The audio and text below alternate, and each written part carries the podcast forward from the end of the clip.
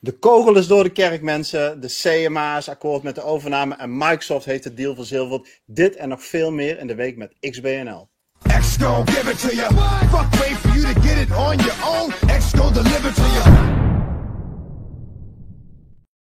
Yes, welkom mensen. Podcast aflevering 266 op de dag van vrijdag 13 oktober 2023. Een dag die de geschiedenisboeken ingaat. Een dag waarop jij aan je kleinkinderen gaat uitleggen: waar was opa eigenlijk? Waar zat oma op het moment dat ze het nieuws hoorden? Het nieuws, beste mensen, waar we al twee jaar eigenlijk min of meer op aan het wachten zijn. Namelijk, gaat Microsoft Activision Blizzard King overnemen? Dat wilden ze, dat was het voornemen, maar er waren waakhonden, er waren uh, onderzoeken, er waren rechtszaken, er was ellebogenwerk. Maar vandaag is het dan eindelijk zover de laatste knoop die doorgehakt moest worden was de CMA, de Britse waakhond. En die hebben gezegd: Beste Microsoft, we hebben vertrouwen in jullie plan. We vinden het een goed idee dat jullie cloud gaming onderbrengen bij Ubisoft. Hier hebben jullie onze zegen. Voor 70 miljard gaan we jullie niet meer in de weg zitten. Jullie mogen Activision Blizzard King overnemen.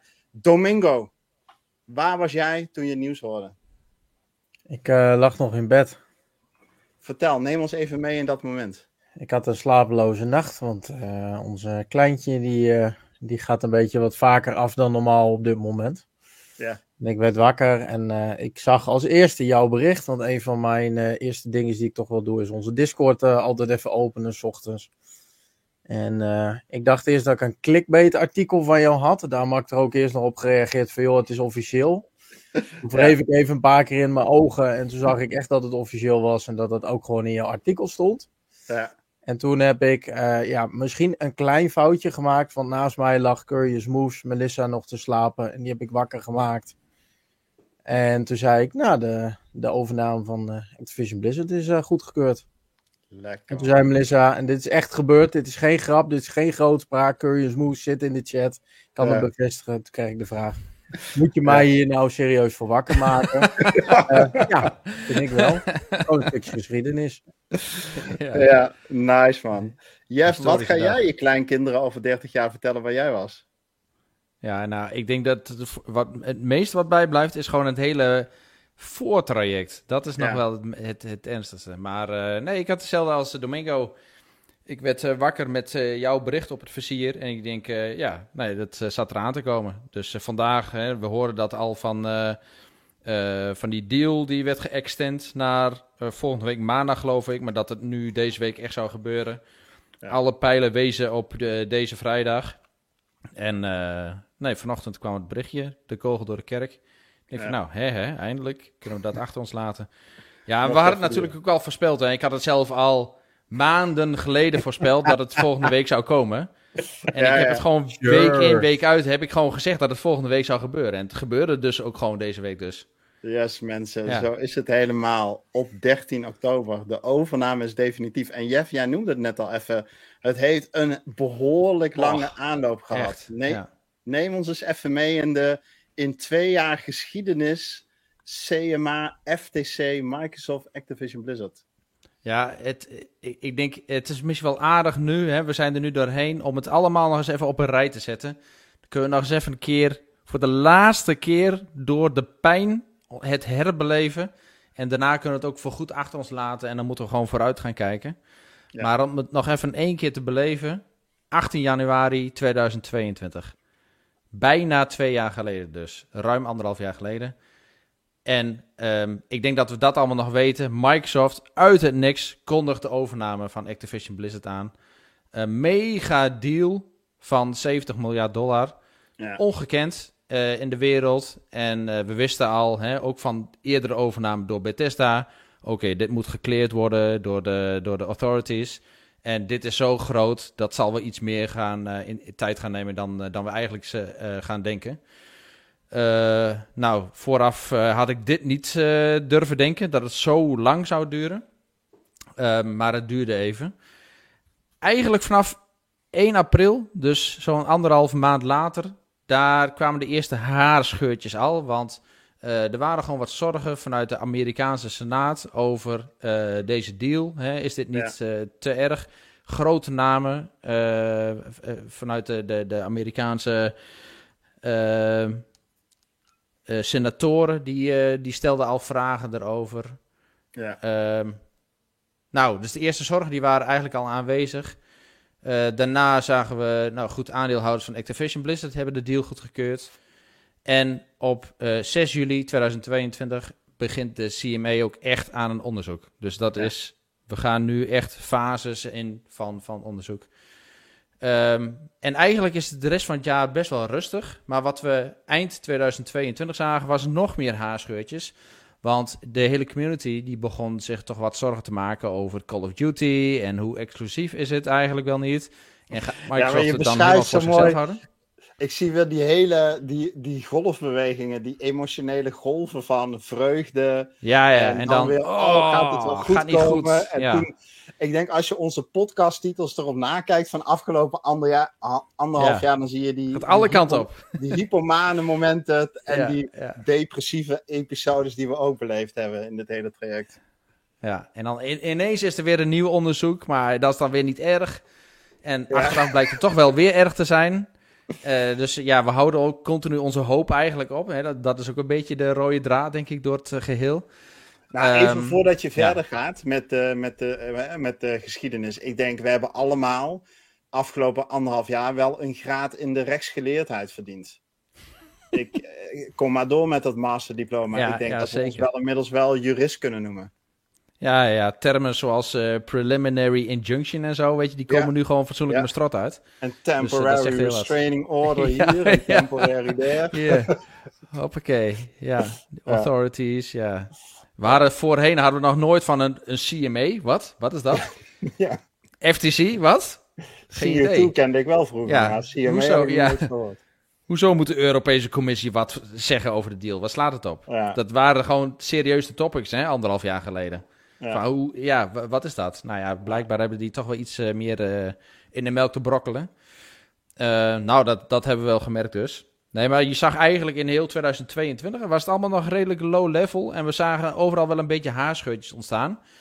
Um, maar dat brak eigenlijk wel eind 2022. 8 december brak dat echt uit in een rechtszaak vanuit de, de FTC. Dus toen was het wel echt van, oh shit, als dit maar goed gaat want als de FTC in rechtszaak staat, ja. dan is er toch echt wel wat aan de hand. Het uh, werd daar, daarna eigenlijk niet veel beter op. Want uh, we zijn inmiddels aanbeland op uh, begin dit jaar, april 2023. Waar de CMA, dus de Britse autoriteiten, ineens vanuit het niets eigenlijk, hè, want er waren positieve signalen, ineens de deal blokkeren. Om een hele lullige reden eigenlijk. Want we, we, hadden dat hele gedoe gehad met Call of Duty en exclusief. Nou, dat was geen probleem. Maar blijkbaar hadden ze hele grote problemen met de cloud deal. Ja. Dus uh, Britse CMA blokkeert de deal. Ja. Um, dat was eigenlijk wel het dieptepunt. Daarna ging uh, de hele online wereld die ging eigenlijk wel in zo'n stand van... Uh, ja, dit, dit komt niet goed. Dit. Dus er moeten nu dingen... Ja, de, de halve adem moet eigenlijk verzet worden. Willen we dit nog goed gaan draaien? Ja. Uh, Microsoft is eigenlijk wel rustig gebleven. En daarna kwamen de eerste zonnestralen eigenlijk door de hemel heen. En dat gebeurde op 15 mei, toen we hoorden dat de Europese Commissie de overname goedkeurde. Uitgesproken heeft van, ja, we hebben wel zorgen bij de deal, maar we hebben met Microsoft gesproken. Microsoft heeft actie ondernomen. En uh, dat zorgt ervoor dat, uh, nadat, ze verschillende deals hebben gedaan met cloud providers, nadat ze verschillende deals hebben gedaan met andere platformen omtrent uh, Call of Duty games. Dat de Europese Commissie akkoord is gegaan. En uh, ja, toen was eigenlijk de grootste struikelblok om tegen te vechten, was eigenlijk de FTC. Dus de FTC had nog steeds, hè, ook als eerste partij, die rechtszaak gestart. Ja. Uh, maar dat duurde en dat werd vertraagd en die zat eigenlijk alleen maar de boel op te rekken. Um, en toen hoorden we, zeg maar zo, eind mei, na die Europese Commissie-uitkomst, begin juni, horen we wat geruchten van: hé, hey, maar misschien dat Microsoft dan toch over de CMA gaat approven. En toch die deal gaat goedkeuren. En niet dat grote geldbedrag wil betalen.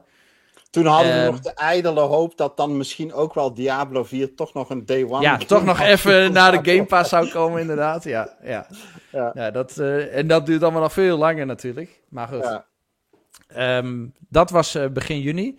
En een beetje na aanleiding van die geruchten ehm, heeft de FTC een, een temporary restraining order aangevraagd. Of een preliminary injunction, inderdaad. waarmee ze eigenlijk vervroegd de, de deal echt wel blokkeren. Van Microsoft kan gewoon niet verder en uh, dat zorgde ervoor dat eigenlijk het hele verhaal van de FTC in een sneltreinvaart kwam te zitten. En dat het hele juridische gedeelte dat het naar voren getrokken zou worden. En in een maand tijd werd er, ja, werd er gewoon heel veel gedaan. En begin juli begon de rechtszaak. Dus dat is de grote rechtszaak die wij ons herinneren. Uh, tussen uh, de FTC, Microsoft, waarbij we dus ook andere partijen horen. We horen de, de Phil Spencer aan het woord. Bobby Kotick horen we aan het woord. zelfs Jim Ryan. Dus Satya ja, Nadella. Dat, Satya Nadella, de allergrootste baas. Ja. dus dat was natuurlijk super interessant. Dat was echt gewoon de, de crème de la crème van de hele soapserie eigenlijk. Dat, dat was wel echt het hoogtepunt.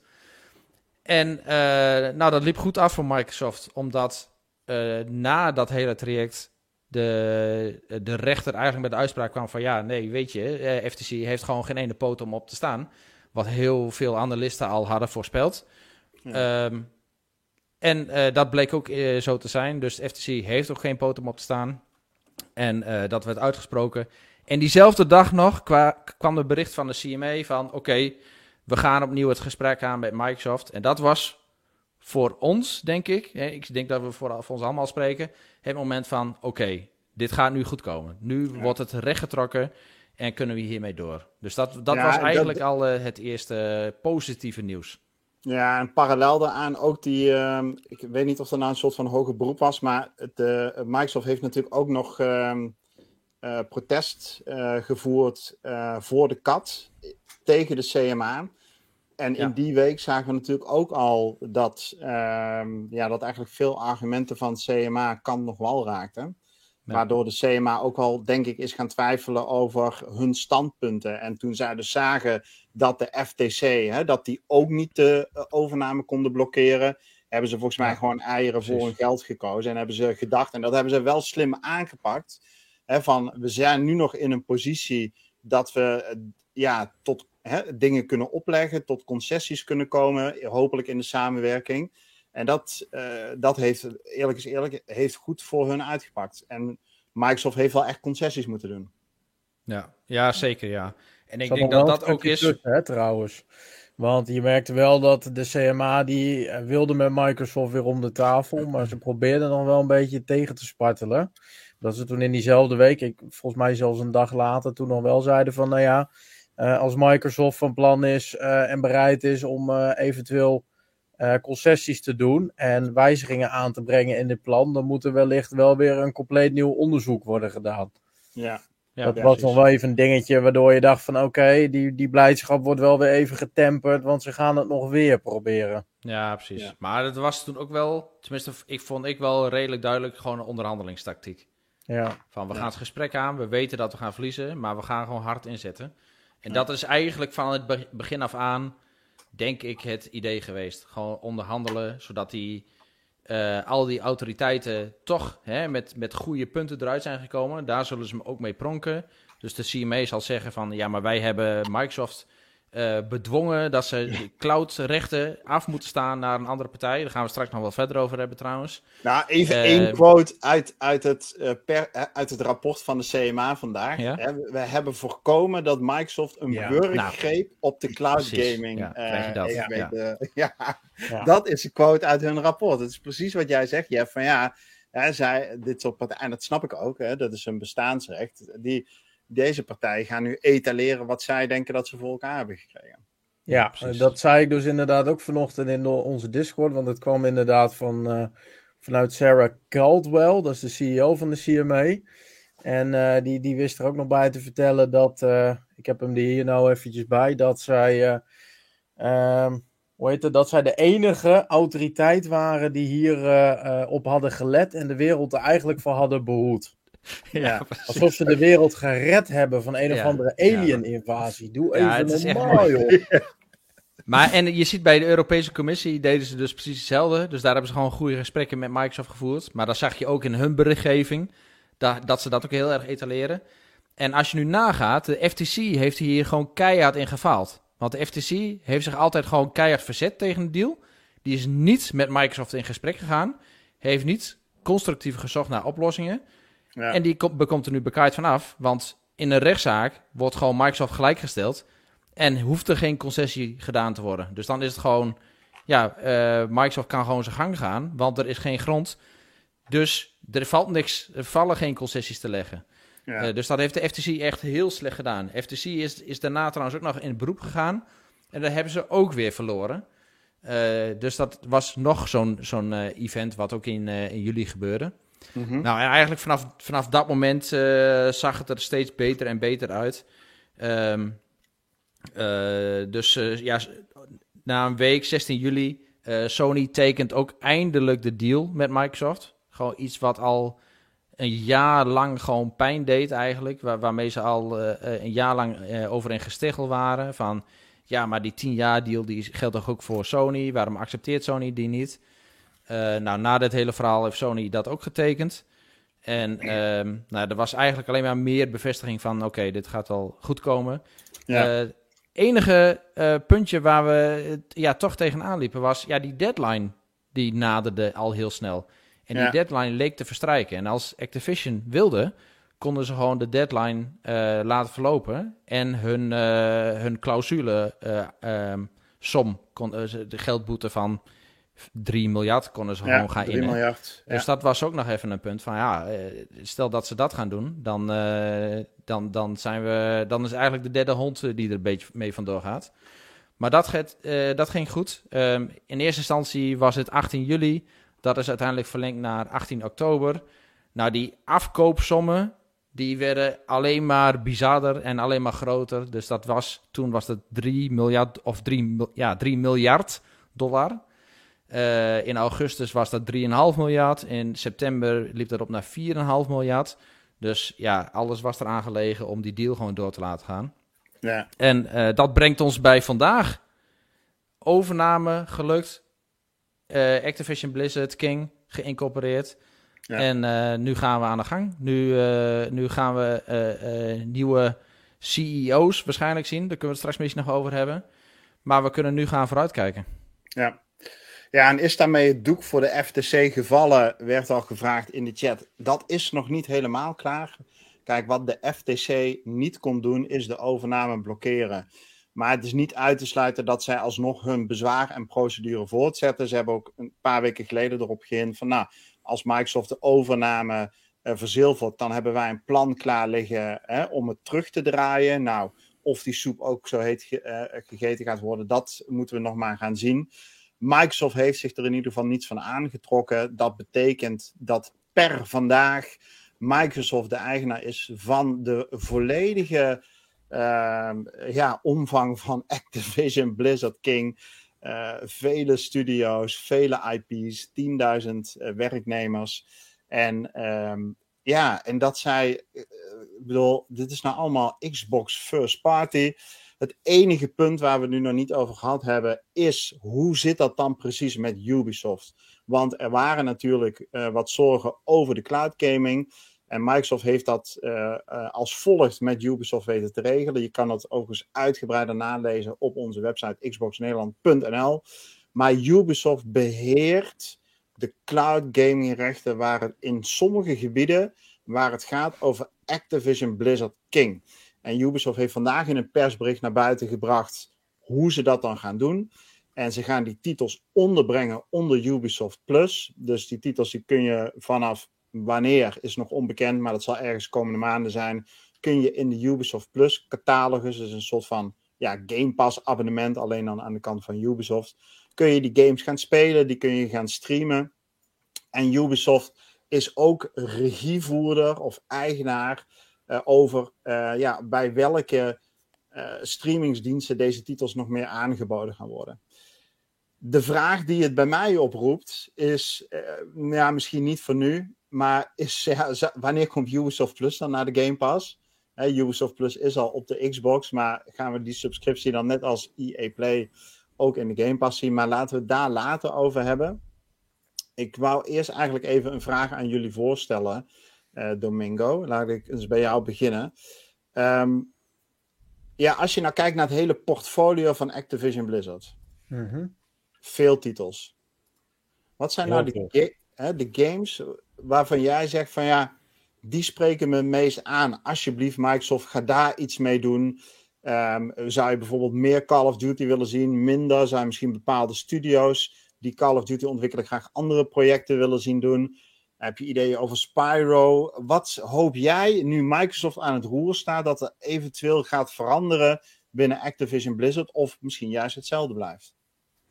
Nou, laat ik even beginnen bij het begin. Dat ik hoop dat de, de medewerkers daar in een veel betere werkomgeving komen te zitten. Want dat is wel iets wat uh, heel veel mensen, denk ik, wel een beetje vergeten zijn in het uh, overnamegeweld. Hè? Uh, als we even terugblikken, voordat deze overname werd aangekondigd, bleek dat de werkomstandigheden binnen Activision Blizzard King uh, behoorlijk te wensen overliet. En dat gold ook een beetje voor de, de CEO erachter, die we straks nog wel gaan bespreken. Dus dat hoop ik ten eerste. En ik denk dat als er een bedrijf is die kan zorgen voor een betere werkomgeving, dat dat Microsoft is, zeker op dit vlak.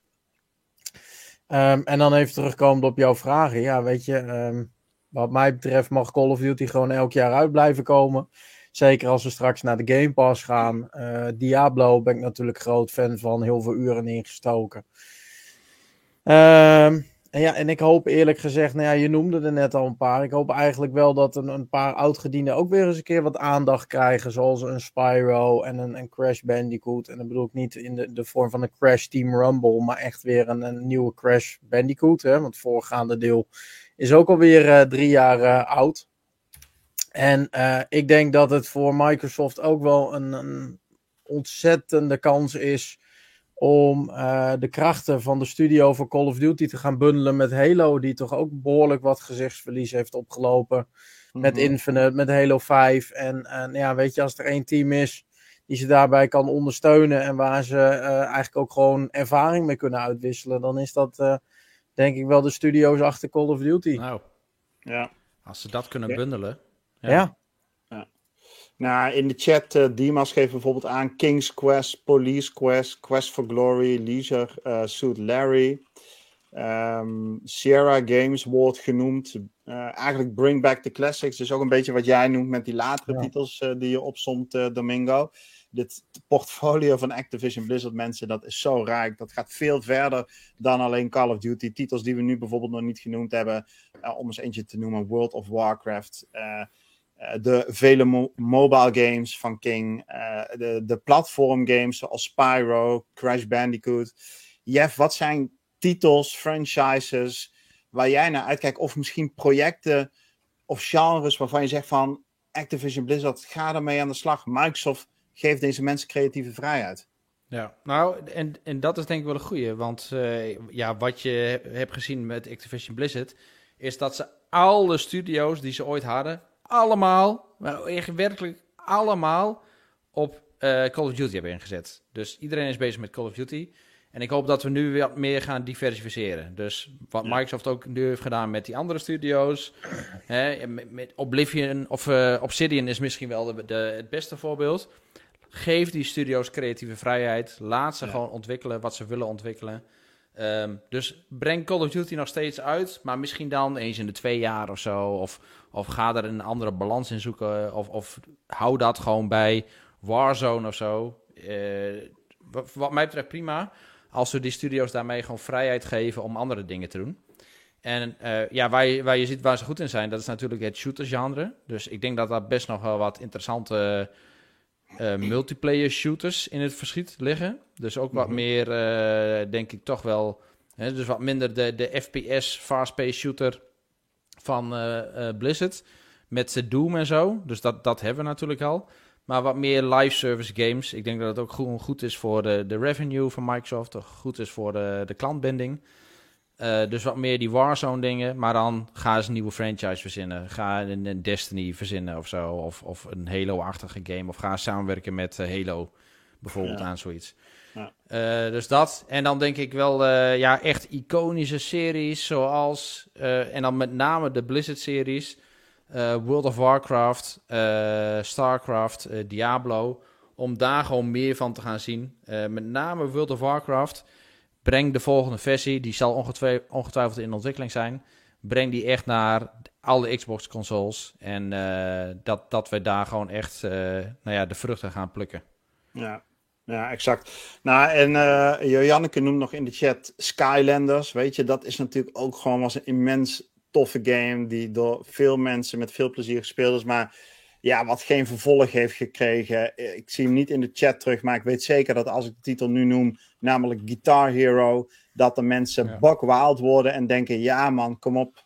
Kom maar door met die titel. Breng daar een game van naar de Xbox Series. Daar hebben we op de 360 natuurlijk enorm veel uh, plezier van gehad. Uh, wat lees ik nog meer in de chat?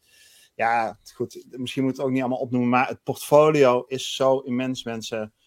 Um, en de vraag die je dan bij mij oproept, um, Jeff, en dan ga ik toch als eerste naar jou toe. Hoe gaat Xbox dit managen? Want als we één ding gezien hebben afgelopen jaren, dan is het dat het hebben van veel studio's, met alle respect, niet altijd succesvol is geweest voor Xbox kijken we terug naar het jaar 2020, waren er nul echt substantiële, impactvolle first-party titels, terwijl ze toch meer dan uh, eh, 20 studio's op dat moment al in bezit hadden. Inmiddels zijn het er dus over de 30. We zouden ze dus even moeten tellen, misschien later. Uh, dus, um, nou goed, misschien speelde in die periode ook natuurlijk corona mee. Dus ook een beetje flauw om Microsoft nu iets te verwijten, wat ze ook niet helemaal hadden kunnen voorzien. Maar toch het cv van Microsoft ten aanzien van first party output en studio management is op zijn minst grillig te noemen. Of er is een contentdroogte, of in het jaar 2021 zijn er heel veel titels, halen ze hoge scores. Of ze stellen teleur met titels als uh, Redfall, waarin uh, ja, toch ook signalen naar voren komen van ja, we hadden graag gehoopt dat Microsoft er wat dichter bovenop zat. Jeff, hoe wat moet er gebeuren om dit in goede banen te gaan leiden? Want nou, Matt Booty gaat er niet in zijn uppie kunnen. Nee, zeker niet. Nee, en die zal toch ook wel het een en ander hebben geleerd. En uh, ik denk dat er hier voor Microsoft ook juist wat te leren is. Want als je uh, Activision iets kunt verwijten, dan is het wel dat ze stevast elk jaar een hele high quality quadruple A game afleveren. En dat hebben ze heel goed gedaan. En daarnaast ook nog eens een keer een live service game in dezelfde franchise met Warzone hebben afgeleverd. Uh, dus ja, ik denk dat Microsoft er echt van kan leren. Wat we natuurlijk wel weten, waar Domingo het net ook over had, is dat het denk ik ook wel mee te maken heeft dat de cultuur daar wel onder te lijden had bij Activision Blizzard. Dus hopelijk kunnen ze het beste van beide werelden pakken en daar gewoon een goede mix in maken. Dus dat ze leren van het cadans van uh, Activision Blizzard oppakken. Dus dat ze daarvan leren. Uh, en dat kon, kunnen combineren met een nieuwe cultuur van Microsoft. En uh, nou, daar gewoon een, een, goede balans in zoeken. Ik denk dat dat wel een belangrijk punt wordt voor Microsoft. Ja. Ja, heb jij, en hoe zie jij dat, uh, Domingo? Wat zou er wat jou betreft, uh, nou, als je nou zou zeggen, misschien niet van, hè, want bedoel, we staan niet aan het roer van Microsoft, maar stel nou dat jij aan het roer zou staan, wat zouden wat jou betreft één of twee speerpunten zijn die, uh, waar Microsoft zich op zou moeten focussen in de nasleep van deze overname? Ja, schappig dat je dat vraagt, want daar ging het ook in onze Discord vanavond al een beetje over. Um, ik denk stap 1 dat Microsoft, hè, sommige mensen schillen nu al van ja, what's next, uh, volgende overname. Nou, ik denk niet dat ze daar nu mee bezig moeten zijn. Absoluut niet. Er zullen ongetwijfeld wel wat kabels op de kust zijn voor bepaalde gamebedrijven, maar dat gaat Sony niet zijn. Want we weten nu allemaal wat de macht en de invloed en het aandeel van Sony is in de game-industrie. Dat is nu wel duidelijk. Um, ja, ik denk stap 1 is gewoon zorgen dat al die studio's worden geïntegreerd. Dat uh, de juiste mensen op de juiste plekken komen te zitten binnen de bedrijven. Dat er een, uh, een opvolger komt straks voor, uh, voor onze grote vriend Kotick. Bobby Kotick, de CEO van Activision Blizzard. Um, en ja, ik denk dat het dan belangrijk is dat je gaat kijken naar de, de kwaliteit van Game Pass. En daar bedoel ik niet mee dat Game Pass niet goed is, want het is een fantastisch product wat heel goed werkt. En je krijgt met deze overname een, een behoorlijke sloot aan first-party titels erbij. Alleen ik denk dat het ook goed is dat Microsoft gaat kijken naar de, de third-party titels. En dan met name, ja, weet je, we hebben wel gemerkt de afgelopen maanden dat er best wel wat developers zijn die behoorlijk sceptisch zijn over Microsoft en uh, over Game Pass. En dat, dat komt voort uit een aantal gedachtegangen. Nou zit er een, natuurlijk een aantal in het kamp van Sony. En er zitten er ook gewoon een aantal die wel onafhankelijk zijn, maar die gewoon bang zijn dat ze sales gaan missen doordat hun games in Game Pass komen te zitten. En ik denk dat het voor Microsoft zaak is dat je met die partijen straks ook gewoon de samenwerking gaat opzoeken en gaat intensiveren. En uh, ja, met alle respect, er is genoeg geld om daar eventueel ook de financiële middelen voor te, te bieden. Ja. Ik denk dat dat nog heel belangrijk wordt voor de, de toekomst van, uh, van Game Pass. Ja, en een van de vragen die je misschien nu als luisteraar kunt hebben is van ja, wanneer komen deze titels, hè, bijvoorbeeld een Diablo 4, maar ook een Call of Duty, wanneer komen die nou naar de Game Pass? Nou, in, in het begin van deze week is er door Activision Blizzard een persbericht naar buiten gebracht. In dat persbericht stond, en dat vertaal ik nu even op mijn eigen manier, stond iets in de strekking van ja, we krijgen veel vragen over wanneer komen games als Diablo en Call of Duty naar de Xbox Game Pass. Uh, wanneer de uh, overname afgerond is. En daarover zeggen zij van, ze, hebben, ze zijn nu op dit moment nog niet voornemens om dit jaar deze titels naar de Game Pass te brengen.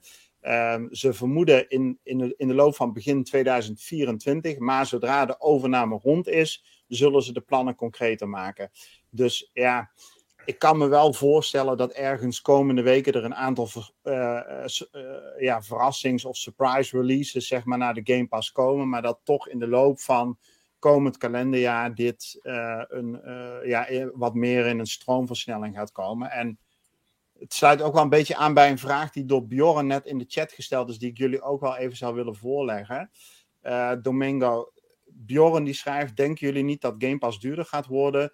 Nu Activision Blizzard erbij komt. Ik bedoel, dit zijn dure grote studio's en al die developers moeten betaald worden. Ehm, dat is een goed punt. Game Pass is al een hele tijd op eenzelfde bedrag. We hebben het recent omhoog zien gaan. Is het plafond bereikt? Of moeten wij met deze overname ervan uitgaan dat we komend jaar toch wat dieper in de buidel moeten gaan tasten? Mm, ja, kijk daar echt op vooruit kijken, dat is natuurlijk een beetje gissen. Ehm, ik denk dat Microsoft slim genoeg is om niet op korte termijn nog een keer een, verhoging door te gaan voeren. Uh, want dat, dat zou zomaar eens vanuit een gedeelte van de community tot gemoppen kunnen leiden. Van de andere kant denk ik ook dat er een gedeelte van de community is. Waar ik uh, ook onder val die wel kan begrijpen als het nog een keertje duurder wordt. Simpelweg omdat je ziet dat die hele grote extra games van 60, 70 euro straks allemaal gewoon first party Game Pass titels gaan worden. Die je gewoon niet meer hoeft aan te schaffen. En we hebben het er natuurlijk in, in het verleden al een keertje over gehad. Ik denk een maand of drie geleden zaten wij een beetje te, te fantaseren van... Goh, wat, uh, wat mag Game Pass kosten? En toen zeiden wij op een gegeven moment... Uh, ik geloof jij en, ik, Rick, van... Uh, het mag best 25 euro per maand worden als zoveel grote games erin komen.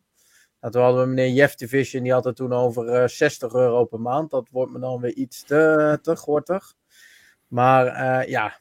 Ja, dan hadden we het in de context van de eh, Game Pass Friends and Family Plan, hè? Ja, onder andere, ja. Ja, dat klopt. Um, dus ja, weet je, ik zie het ze niet doen op korte termijn, maar als we het wel doen, um, ik heb daar ja, om twee redenen niet zo'n heel groot probleem mee. A, de sloot aan games die erin zit. En B, ik heb toch uh, Game Pass Ultimate voor no, nog tot 2025. Ja, ja. ja. nou eens. Jeff, ik ben benieuwd hoe jij hierin staat. Als ik heel even op Domingo kan aanvullen. Um, ik, uh, de herstructurering nu van Game Pass Core naar Game Pass Ultimate, die volgens mij in september is doorgevoerd, roept bij mij zeer de vraag op, of de twijfel eigenlijk op. Ik denk niet dat ze prijzen nu gaan verhogen komende tijd. Um, dat is lastig uit te leggen wat ik heb gemerkt bij onder andere Redfall, uh, wat ik heb gemerkt bij Starfield, wat ik heb gemerkt bij Forza Motorsport, is dat er een nieuw verdienmodel aan het insluipen is. En dat is de early access. Namelijk, de first party titels komen day one in Game Pass. Maar met een beetje extra content, een mooi extra skinnetje, wat extra DLC en zeven dagen eerder toegang. Als jij 30 euro betaalt, krijg je dat uitbreiding, dat early access pakket en kun je al aan de slag met de game. En wat we zagen gebeuren bij Forza Motorsport en wat we zagen gebeuren bij Starfield, eh, nou, vooral bij Starfield, iets minder bij Forza Motorsport, is dat er gewoon dus 2, 3 miljoen mensen zijn die dat wel prima vinden. Die leggen wel even 30 euro neer, want ja, de base game is gratis, want die zit in de Game Pass, tussen aanhalingstekens. En die 30 euro leg ik dan neer voor die extraatjes. En in no time waren er 2, 3 miljoen verkopen van Starfield. Een bijnazelfde aantal voor Forza Motorsport. Die cijfers heb ik niet exact paraat, moet ik er even met een kanttekening bij zetten. Dus ik denk dat er geen herstructurering komt. Op korte termijn geen verhoging van de Game Pass subscriptie, maar de introductie van een nieuw verdienmodel waar we eigenlijk al een beetje ingetrapt zijn afgelopen maanden. Jeff, ik leg hem ook graag even aan jou voor. Hoe zie jij dit verder gaan met Game Pass en deze first-party titels? Ja, ik denk wat je, wat je wel moet realiseren, en, en daar ging het bij de FTC, uh, eh, de, de, financiële expert van de FTC ging het ook mis, is dat iedereen denkt van, oké, Microsoft betaalt 70 miljard, ze moeten dat terugverdienen. Dus die 70 miljard, die moet worden terugverdiend met abonnementen. En natuurlijk is dat indirect is dat wel een beetje waar, maar ook weer niet helemaal. Ja. Want zo'n studio of zo'n uitgever, die wordt opgekocht en die wordt gewoon in de boeken gezet voor 70 miljard. Dat, dat is het gewoon waard. Ja, het is gewoon dus je, Ja, precies. Dus vergelijken met een auto. Ja, je koopt een auto voor, uh, weet ik wat, 5000 euro. Um, zeg je niet van, oké, ik moet dat over de komende jaren, moet ik die 5000 euro gaan terugverdienen. Nee, want dat is gewoon een asset. Als je uh, over een jaar een andere auto wil verkopen, of uh, wil kopen, dan verkoop je deze gewoon weer voor 4000 nog wat. Um, en natuurlijk is een auto een, is een heel slecht investeringsobject. Maar zo'n studio, uh, uitgevers, grote mediabedrijven, zijn natuurlijk een fantastisch investeringsobject. Want die worden alleen maar meer waard, want het wordt alleen maar meer afgenomen. Ja. Dus het is een investering van Microsoft. Maar met daarbij het voordeel dat zij ook hun subscription service ermee kunnen uitbreiden. Ja. Dus dat is het ene. Uh, maar dan mijn, mijn andere kant zegt eigenlijk... Ja, dat kan gewoon niet. Voor dat bedrag zoveel content. Dat is gewoon... Dat, ja, dat, dat kun je bijna niet maken. Weet je, voor, voor 15 euro, wat is het nu? Of 10 euro? Ja, 15, 16 euro, zoiets. Ja. ja zoveel content. Dat is bijna, ja, dat, dat, dat is gewoon bijna crimineel laag eigenlijk. Dus uh, ik hoop niet dat Microsoft dit hoort. Maar eh, ja, dus dat, dat is een beetje mijn gevoel. Die zegt van ja, dat kan gewoon niet voor zoveel. Dus mijn gevoel zegt ook, ik denk dat we gewoon meer uh, variaties in subscription service krijgen te zien. Dus misschien wat meer voor casual gamers, uh, misschien wat meer voor hardcore gamers. En uh, dat naarmate je wat meer premium, wat meer pro gaat, dat je ook dat die bedragen ook wel flink gaan oplopen. Dus ik denk voor ons als grote gameafnemer zou het nog best wel eens zo kunnen uitpakken dat we daar ook wel flink voor moeten betalen dan in de toekomst. Ja, oké. Okay, dus ik heb dat eerder gezegd van, ja. Ja, dat, dat er misschien toch een soort van abonnementslagen nog bij komen. Ja precies. Wel, een van de vragen die, uh, die we ingezonden hadden gekregen van... zouden we een soort van Game Pass mobile gaan krijgen? Hè, want waar we tot nu toe nog niet... We hebben het over Call of Duty en Crash Bandicoot en Diablo. Het is allemaal console georiënteerd. Want ja, ik bedoel, dat is ook onze liefde. Uh, daar, daar, daar, daar zijn wij, dat is ons platform. Maar een heel belangrijk ander onderdeel van deze overname is Activision Blizzard King. En King is de koning van de mobiele markt. Niet in de minste plaats omdat ze de grootste game in bezit hebben, namelijk Candy Crush, de game die, nou ja, generatie, hè, over generaties heen gespeeld wordt. En daarnaast nog heel veel andere games. Microsoft, die naar mogelijkheden zoekt om onder andere ook door cloud gaming, maar ook hun, hè, hun portfolio naar uh, mobiele uh, devices te brengen. Zou er bijvoorbeeld een laag toegevoegd kunnen worden in dat subscriptiemodel dat gaat over mobile gaming? Dus Game Pass Ultimate en dan Game Pass Ultimate plus mobile gaming, Game Pass Ultimate plus mobile gaming plus Battle.net van uh, Activision Blizzard, die, die, die launch server, zeg maar, of wat het dan ook exact is. Zit je een beetje in die hoek te denken, Jeff? Ja, ja, eh, inderdaad, zoiets.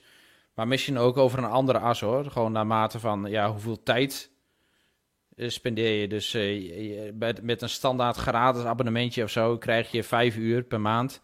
Hè, dat je kunt gamen. Maar hè, wil je echt uh, 20 uur per maand, meer dan 20 uur per maand gamen, dan moet je een pro-subscription hebben bijvoorbeeld. Zulke dingen. Dat klinkt niet heel erg prettig, maar dat is wel, wel een beetje de moderne wereld waar we in leven. Ja. Even Candy Crush. op de Mobile Game Pass, Rick. Ja. Ik durf nu al te zeggen dat dat niet gaat gebeuren. Nou ja, waarom was... durf ik dat te zeggen? Ja. Ehm, we weten natuurlijk allemaal dat wij tot een paar jaar geleden uh, konden wij uh, al onze games voor onder andere de Xbox konden wij gewoon kopen in de app.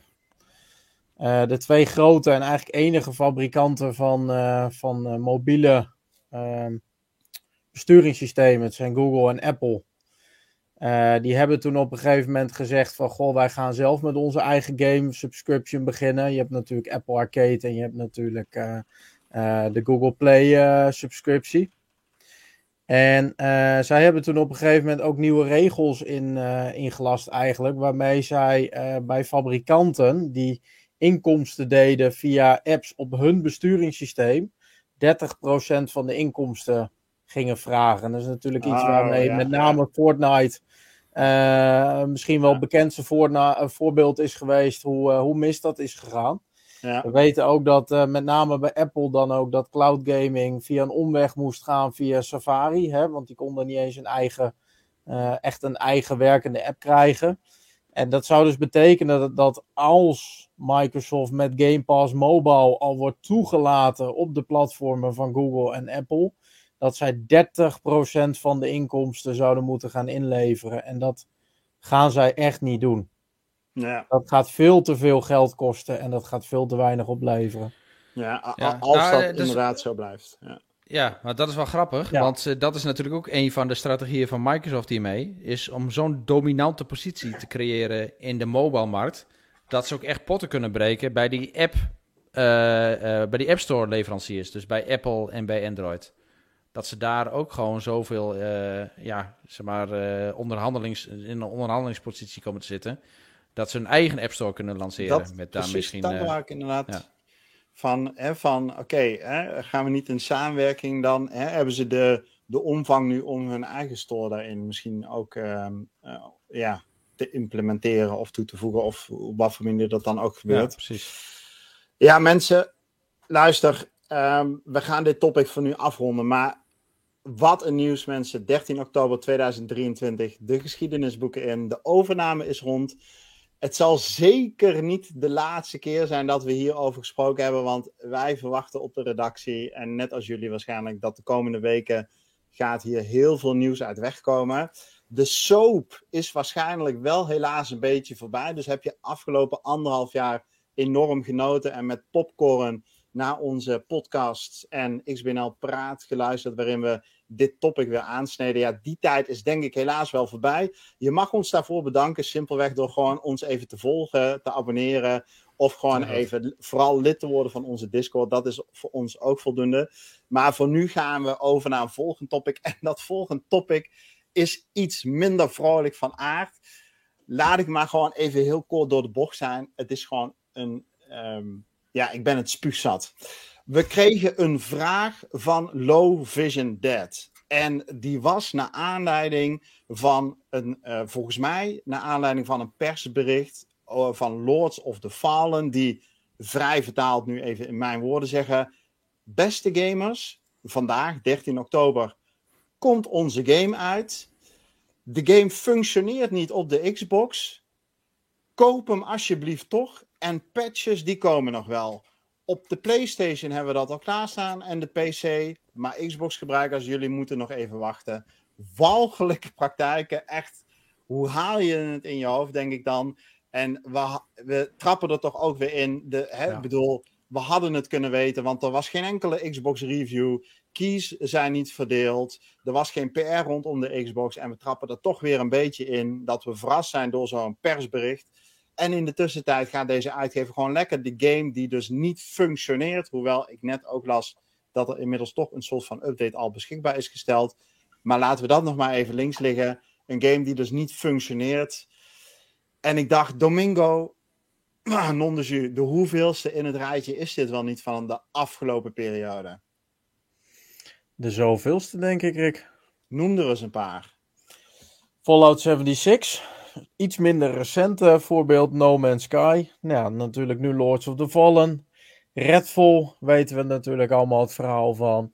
Battlefield uh, 2042. Cyberpunk uiteraard. En uh, ik denk nog wel een hele recent is natuurlijk PD3, waar we het vorige week over hebben gehad. Wat de fuck gaat hier mis, mensen? Games waar we 70 euro voor betalen en die gewoon niet functioneren. Stel je voor dat jij naar de fietsenmaker gaat, een fiets koopt, je mag hem meenemen en de wielen, ja, die komen nog wel een keer, die worden nog wel een keer bijgeleverd. Hier, bol.com, we verkopen je dit boek, maar bladzijde 50 tot 121 ontbreken nog. Ja, we zenden je nog na. In wat voor industrie accepteren we dit? Ja, maar het, het is een trend, hè, dit. Want ja, maar twee, drie jaar geleden maakten we ons, we maakten ons eerder boos om day one patches. Ja. Dat we op dag van een release nog een patch moesten draaien om een game fatsoenlijk te laten draaien. Nou, we mogen blij zijn als er een day one patch is nu. En het begon allemaal ooit bij Jeffrey, hè? Op Gamescom, jaren geleden. Want Jeffrey die bestelde ooit een pizza en die kreeg die pizza geleverd zonder topping. Weet je dat nog, ja. ja dat, nee, dat, dat, was een traumatisch evenement. Dat. ja. ja. ja is nog steeds na te, na te kijken op YouTube trouwens. Alsof je sper bestelt en alleen maar de botjes krijgt. Ja, dat wordt dan later bijgeleverd. Nee, maar even... Ja, maar je wordt hier toch gewoon moe van, weet je wel. Lords of the Fallen. Kijk, persoonlijk, ik, hè, ik trek me dit ook aan. Dit was echt een game waar ik naar uitkeek. Um, ja, en dan, dit kan toch niet meer? Wanneer stopt dit? Nee, maar het is gewoon geen goede kwaliteitscontrole. En ik snap het niet, want die studio's die worden alleen maar groter. Uh, de markt wordt steeds volwassener. Je zou zeggen, die hele pipeline van uh, gameproductie, die wordt ook steeds beter. Betere kwaliteitscontroles. Maar ja, het, het, het hangt gewoon, ja, het is gewoon, gewoon kneuterig. Gewoon bij heel veel grote bedrijven. En dan heb je met Fallout 76, hè. Kijk, No Man's Sky, oké. Weet je, kleine indie developer. Fallout 76. Grote corporatie, Bethesda, staat bekend om kwaliteit. Uh, tot Howard hemzelf staat erachter. En dan crap. Battlefield, zelden, EA. Grootste franchise ter wereld, zo'n beetje. Hè? Misschien na, na Call of Duty. Battlefield. Gewoon crap. Ik, ja, ik, ik, snap het niet. Ja. Gewoon valse beloftes. Uh, ja, ik, ik snap het echt niet. Van waar komt dit nu vandaan, dit? Het is gewoon laksigheid of zo. Of ja, er wordt ergens op bezuinigd waar totaal niet op bezuinigd moet worden. Dat, dat denk ik zoiets. Ja, of er is gewoon uh, totaal geen controle, zoals in het geval van Redfall. Ja, of, ja exact. Ja, en, en de financiële belangen op een gegeven moment blikken. Moet je een project ook gewoon afsluiten en dan moet het maar de deur uit en dan neem je eventuele negativiteit verliefd. Maar goed, het gaat met een prijskaartje van 70 euro bij de speler. En ja, het enige wat wij kunnen doen, denk ik, is daarover vocaal zijn, onze onvrede daarover uiten. Jullie als, eh, ik bedoel met wij, wij ook daadwerkelijk, jij die luistert, gewoon wij als gamers. En uh, niet kopen. Dus mensen, als je dit luistert, Lords of the Fallen, doe het gewoon niet. Koop hem niet. Wacht af totdat de reviews verschijnen. En als je niks met reviews hebt, dat kan natuurlijk prima.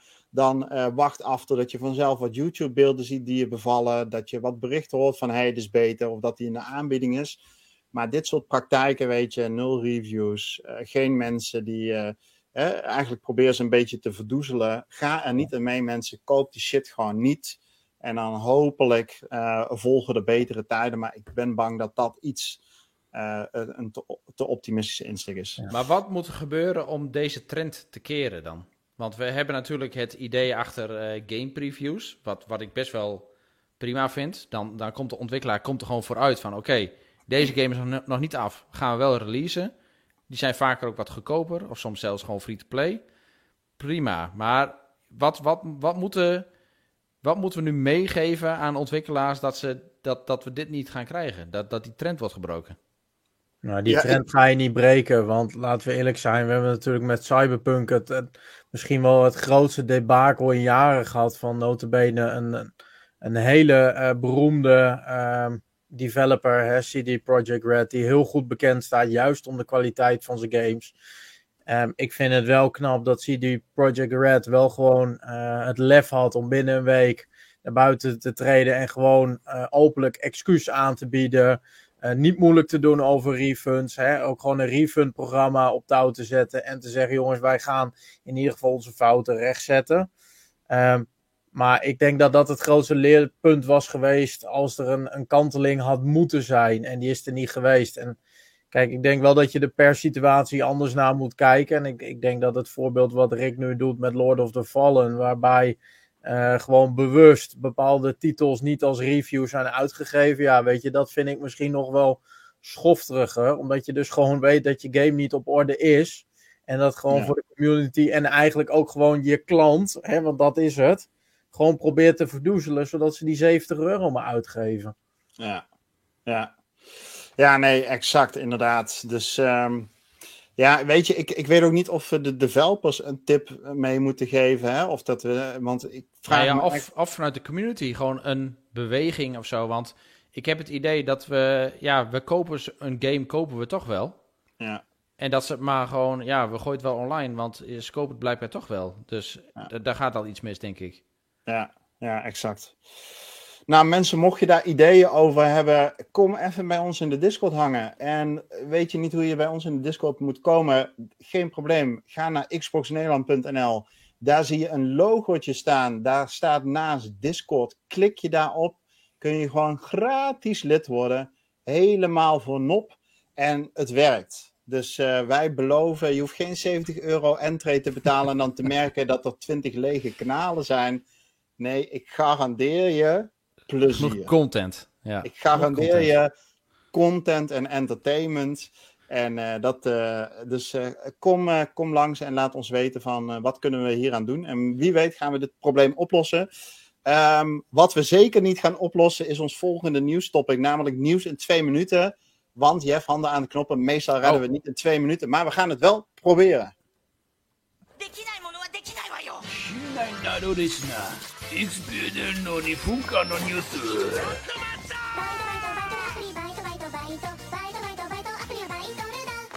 En go! Go! Picnic die vraag, kun je ook early access krijgen op de Discord? Zeker, 30 euro premium pakket kun je een dag eerder lid worden. Precies, ja. Dan weet je, word je gisteren lid. ja, dan werd je gisteren lid. Passen we de aanmeldingsdatum aan. En voor 60 euro krijg je een meet and greet met Niels. Wat, ja. wat willen mensen nog meer in hun leven? En vergeet niet, je krijgt gelijk een melding als we live gaan. Ook heel belangrijk. Ja, precies. Zonder, zonder vertraging.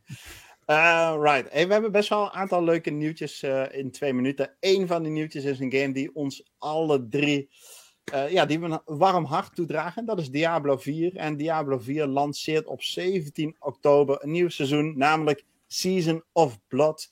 Een flinke content update. Um, heeft een van jullie scherp, Domingo, misschien even echt in twee zinnen, wat mogen we van deze update verwachten? Heb je enig idee? Nieuwe vijanden, nieuwe gear. Uh, draait voornamelijk rondom uh, vampieren, vandaar de naam uh, Blood. En de game gaat daarnaast een, een behoorlijke sloot aan verbeteringen met zich meebrengen. Zoals een aparte wallet voor, voor je juweeltjes eindelijk.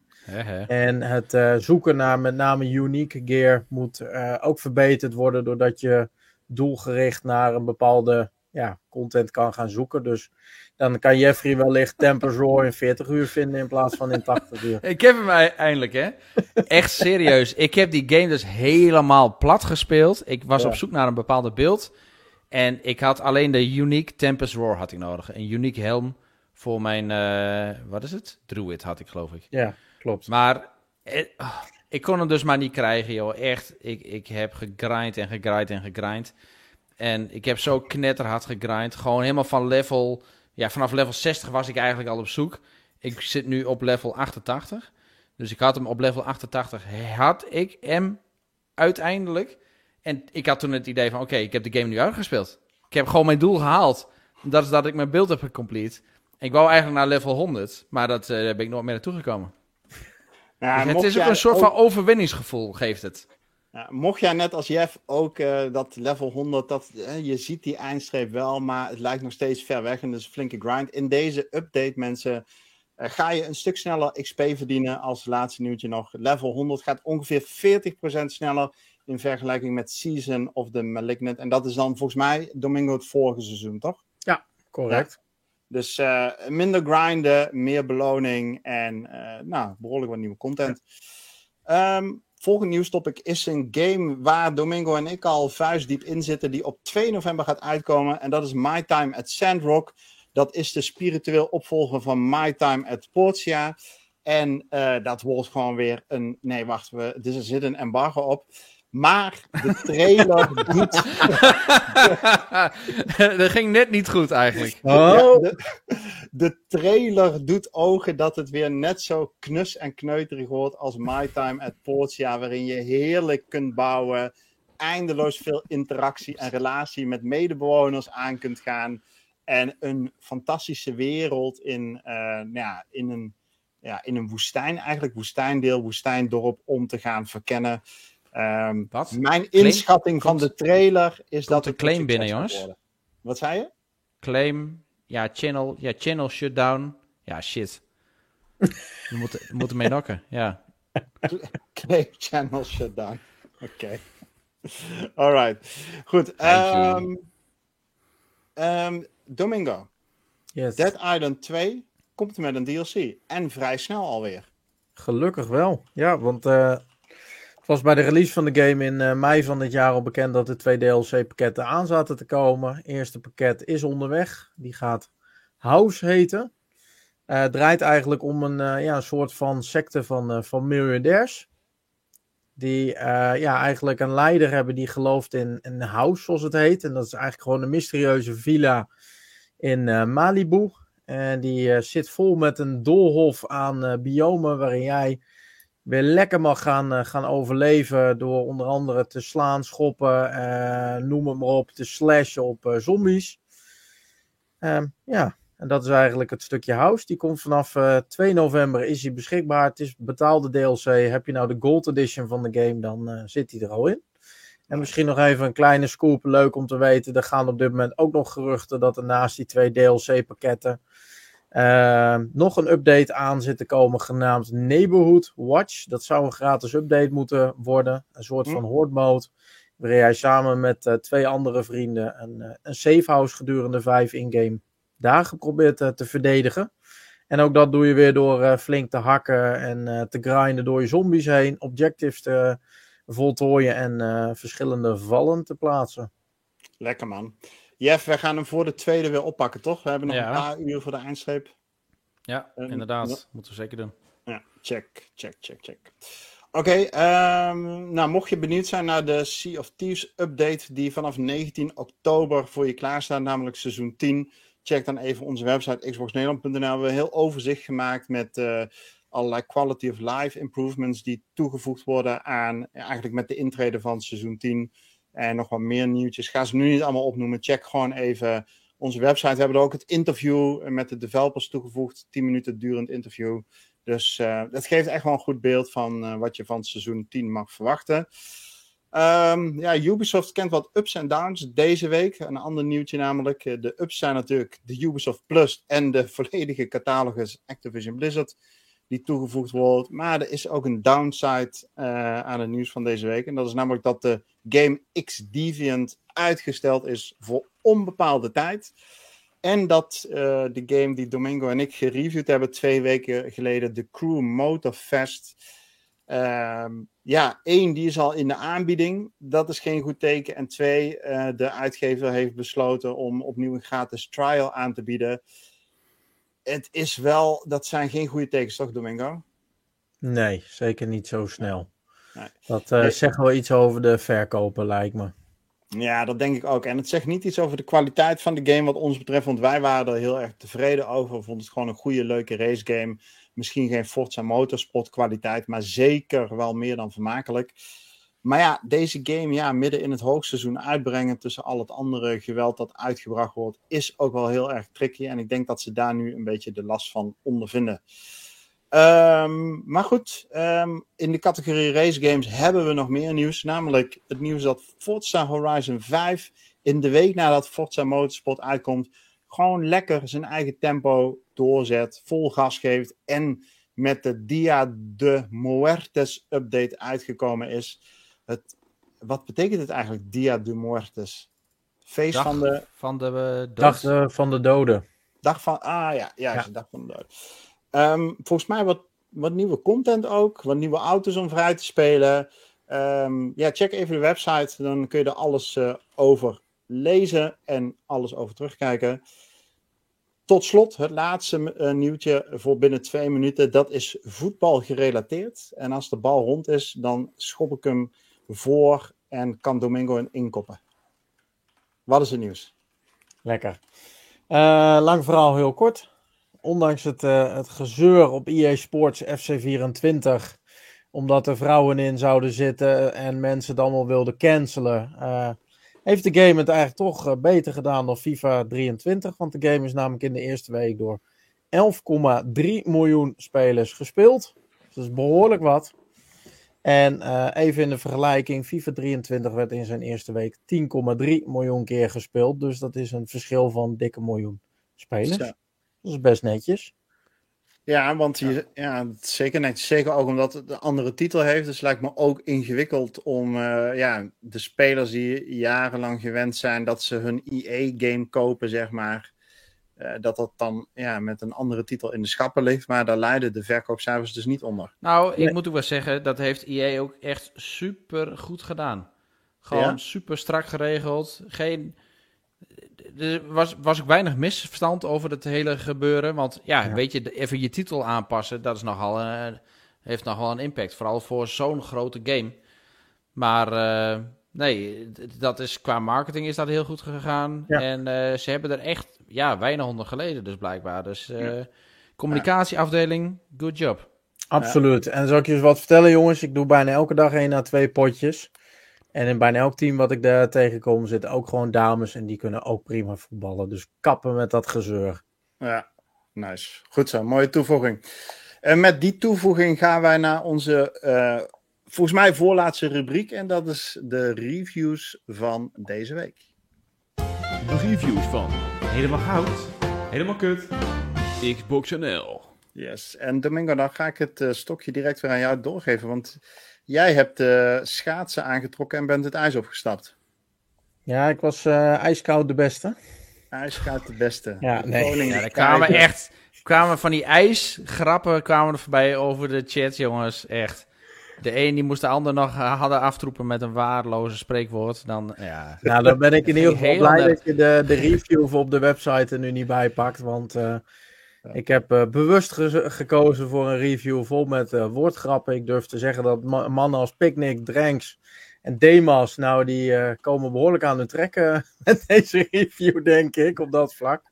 Die laat maar, je niet in de koude kleren zitten, Domingo. Gaan we niet in de, in de koude kleren zitten, nee, dat klopt. Dus, maar goed, ja, ehm, ja, de game bevindt zich een beetje op glad ijs, om het zo te zeggen.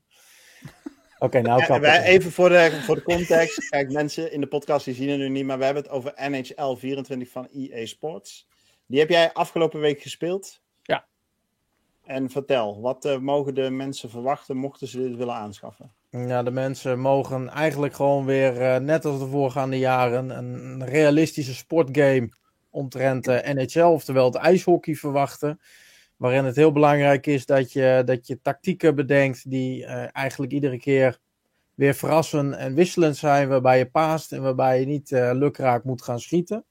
Mm-hmm. uh, maar je moet geen game verwachten die even los van een geüpdate rooster hele nieuwe dingen gaan doen. Uiteindelijk zitten er twee echte vernieuwingen in. Dat is HUT Moments, dat, dat staat eigenlijk voor Hockey Ultimate Team, de variant van, van wat voorheen FUT was. En uh, ja, FIFA en EA Sports FC hebben die modus er eigenlijk ook in zitten, waarbij je uh, ja, legendarische oude wedstrijden probeert her te beleven. Um, ik heb het al aangegeven, ik vind het jammer, want het is eigenlijk gewoon een kopie van wat, uh, wat FIFA erin heeft zitten. En ik, ik vind, zeker gezien ik een aantal weken geleden NBA heb gespeeld, waarin ook zo'n soortgelijke game mode in zit, die je echt meeneemt naar de jaren 80, 90 of zelfs 2000. En ook de stad toen de tijd laat zien en het stadion toen de tijd liet zien en daar echt een verhaal vertelde, vond ik dit een behoorlijke, ja, karige vernieuwing. Beetje een koude douche, uh, zeg maar. Wat zeg je? Beetje een koude douche. Het was een beetje een koude douche, ja. Dankjewel, Jeff. Uh, tweede uh, vernieuwing die erin zat, dat was het zogeheten vision passing, waarmee je eigenlijk iets meer controle over het passen zou moeten krijgen. Uh, je drukt op een knopje en je krijgt per speler om je heen, zie je een knop die je zou moeten indrukken om de bal heen te sturen. Nou, dat is wat je hier nou eigenlijk net even ziet. is eigenlijk ook niet nieuw, want dat kennen we ook van onder andere FIFA en NBA. En ik, ik merk gewoon dat, zeker omdat um, ijshockey wel een iets snellere sport nog is, dat je dat eigenlijk niet wil gebruiken. Want tegen de tijd dat je eindelijk die knop hebt ingedrukt om die paas te geven, dan word je eigenlijk al uh, vol tegen de reclameborden gesmakt. Ja. Um, dus ja, ik heb deze game uiteindelijk een, uh, een 7 gegeven. Simpelweg omdat ik de gameplay nog steeds ijzersterk vind. Maar uh, ik vind het gewoon weinig vernieuwend. Um, je werd er niet echt warm of koud van. Dus. Ik werd er niet warm of, of koud van, inderdaad. En um, ja, ik, voor mij voelt het meer als een uh, update in plaats van een uh, upgrade. Ja, nou. Alright, en dat is toch ook wel iets, een trend die je met dit soort sportgames vaker terugziet. Ja, aan de andere kant denk je, ja, wat valt er te vernieuwen, weet je wel? Het blijft natuurlijk gewoon een beetje dezelfde gameplay. Ja, dus, dus ja. Uh, voordat we volgende week moeten re rectificeren, ik bedoel natuurlijk een puck en niet een bal. Yes, je werd al... er, er was op een gegeven moment geen bal meer aan. Ja, de chat ging al los. Ja, en er werden ijskoude blikken gegeven naar jou om die spreek. Uh, nou, oké, okay. never mind. Mensen, we houden op met deze. hem in de ijskast, deze grap. En we gaan naar de rubriek vragen uit de community. En we hadden veel vragen, mensen. We hadden vragen van Picnic, we hadden vragen van Martin, we hadden Matthew die had vragen ingestuurd. dank daarvoor. We hebben het gros behandeld, want het ging eigenlijk allemaal over de Activision Blizzard deal. Dus um, ik wil toch noemen bedankt voor jullie inzendingen. En um, ja, ik denk dat jullie gehoord hebben dat de vragen gepasseerd zijn. Eén uh, vraag is niet gepasseerd, die ga ik nu ook niet beantwoorden, maar daar wil ik wel een voorstel over doen naar mijn mede-panelleden. Picnic die stelt namelijk de vraag, um, wat vinden jullie? Moet Microsoft nu doorpakken en nog meer overnames doen? Of nu even pas op de plaats maken en eerst zorgen dat alles goed geïntegreerd in het geheel uh, is en de focus op de ontwikkeling van de games. En ik zou dat eigenlijk willen reserveren voor een XBNL praat. Dat we eens even langs gaan, hey, wat zijn die studio's nou, wat doen ze nou? En als er dan nog een studio bij zou komen, wat zou het profiel daar dan van moeten zijn? Wat zou onze wens daarin zijn? Wat mij betreft Um, ook een beetje omdat we nu al op een uur en een kwartier zitten, zou ik zeggen, laten we dit um, op een ander moment bespreken. Goed idee wat je betreft? Prima. Yes, check. Ja, nee, er valt nog genoeg over te zeggen, dus uh, prima om dat te bewaren. Ja, nou dat dacht ik dus inderdaad ook. En anders gaan we nu afraffelen, terwijl je hier misschien best wel een uh, kwartier leuk over kunt uh, filosoferen met elkaar. Um, goed, en daarmee komen we aan bij de laatste rubriek. En dat is wat we zelf gespeeld hebben afgelopen week.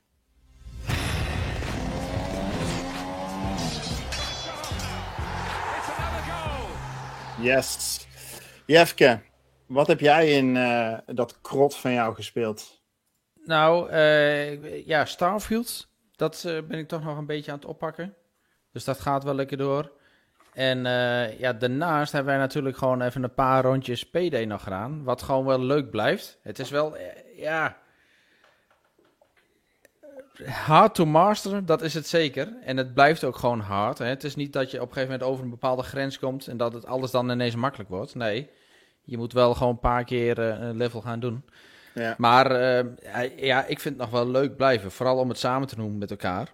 En ja. uh, vooral als je juist de smaak een beetje hebt te pakken. Je weet ook een beetje hoe die skills werken, dat je die kunt unlocken. En dat komt ook steeds meer en meer en meer. Dus dat is wel leuk. Um, ja, dat was hem eigenlijk voor mij. Uh, ik wou alleen nog even een shout-out doen naar een film die ik gisteravond heb gekeken. En uh, ik weet dat Vloek in de Kerk is, maar dat is de film Gran Turismo. Is natuurlijk heftig gebaseerd op uh, de PlayStation-titel. Het is ook gewoon één groot promotiefilm voor de PlayStation-titel. Ja. Maar desalniettemin, echt, echt een hele leuke film voor race-liefhebbers. En nou ja, gewoon misschien ook mensen die de franchise wel eens hebben gespeeld. Ik denk dat dat uh, voor iedereen die daar wat mee heeft, dat hij het wel leuk vindt. Nou, het is toch fijn voor PlayStation dat ze in ieder geval ook iets te kijken hebben. Ja, precies. Op hoge definitie ook. Ja, ja precies. Alright. Uh, nee, leuk. Een mooie shout-out. Uh, Do, wat heb jij gespeeld afgelopen week? Ik heb niet zo heel veel gegeven, moet ik heel eerlijk zijn. Iets met slapeloze nachten op dit moment. Um, uiteraard NHL heb ik dus gedaan. Ik heb uh, wat potjes uh, Sports FC24 gedaan. En ik ben best nog wel druk bezig met Assassin's Creed Mirage. Ik merk wel dat ik die game uh, na een half uur tot drie kwartier wel weer even wegleg. Ik, het is geen game die mij uitnodigt tot lange speelsessies. maar ja, wellicht als ik daar wat verder in ben dat dat verandert. En dat is eigenlijk een beetje mijn gameweek. Oké, nou lekker. Nou, hopen dat die slapeloze nachten in ieder geval weer wat minder worden. Absoluut. Maar het is toch wel echt wat anders dan Rob. Want Rob zei vorige week echt van, uh, nou ja, Assassin's ah. Creed blijft kribbelen en ik blijf, blijf er gewoon naar terug gaan. Rob snapt er niks van. Ik, ik had het er, uh, ja, nou moet ik oppassen natuurlijk, want anders krijg ik hem terug. natuurlijk wel uh, mijn mentor uh, binnen XBNL. Maar Rob zei natuurlijk vorige week ook dat er heel weinig zwaarden in die game zaten en outfits. Ehm, ja, dat zit erin als je alle 624 kistjes die over die hele wereld van Bagdad verspreid zit, overslaat en niet opent. Want er zitten veel meer wapens in die je kan verzamelen. Hm. Ja. Oké. Dus, nou, oké. Rectificatie dan voor Rob. Bij deze. Zal, zal die blij mee zijn? Ja. die luistert toch, nooit, dus dat maakt niet uit. Dat maar, uh, en uh, Rick, wat heb jij gedaan? Ja, ik heb uh, niet superveel gegeven, maar wel wat diverser dan uh, de afgelopen weken. Was ik natuurlijk alleen maar met Lies of P bezig. En uh, deze week heb ik Dark Tide gespeeld. Warhammer 40k Dark Tide, een uurtje of 5, 6. En daar kom ik volgende week wat uitgebreider op terug nog. Um, ik heb Wolong Fallen Dynasty, daar is de tweede DLC van uitgekomen. En dan ben ik met Dimas aan begonnen. Dus we zijn nu de laatste paar bazen die deze game te bieden heeft proberen we te lijf te gaan. En uh, dat is vrij pittig. Er is één baas uh, waar we een beetje op, aan het stuk lopen zijn. Um, nou, ik hoop volgende week op beter nieuws. Maar het is wel vermakelijk weer. Dus, uh, dus dat is het positieve nieuws. En um, ik had um, GTA. Ik denk van ik ga ze even op Xcloud weer eens kijken. via de Steam Deck. GTA Campaign gespeeld. ja, eerste paar missies. Niet zo heel ver mee. Maar dat was wel weer leuk om een keer te doen. Ik heb dat verhaal voor de laatste keer uh, op de PlayStation 4 gespeeld in de begintijd. En, uh, dus het was weer leuk om even lekker met Michael en Trevor en uh, Franklin op pad te gaan. En het valt mij op dat even los van de wachttijden voor xCloud, die zijn wel s'avonds een minuut of vijf soms, soms wel tien. Maar die hele service is echt stabiel geworden. Ik kan eigenlijk nu in huis probleemloos, zonder echt grote latency problemen, een game als GTA spelen, wat toch een grote open wereld game is. En um, ja, en dat is eigenlijk wel sinds een maand of anderhalf ik, dat ik toch wel bijna iedere dag op, uh, op mijn Steam Deck xCloud aan het spelen ben. Veel Lies of P gespeeld, nu dus GTA. En dat gaat eigenlijk wel heel erg goed. Dus, ja, maar um, ik, ik, ik zat daar van de week ook weer even op te broeden.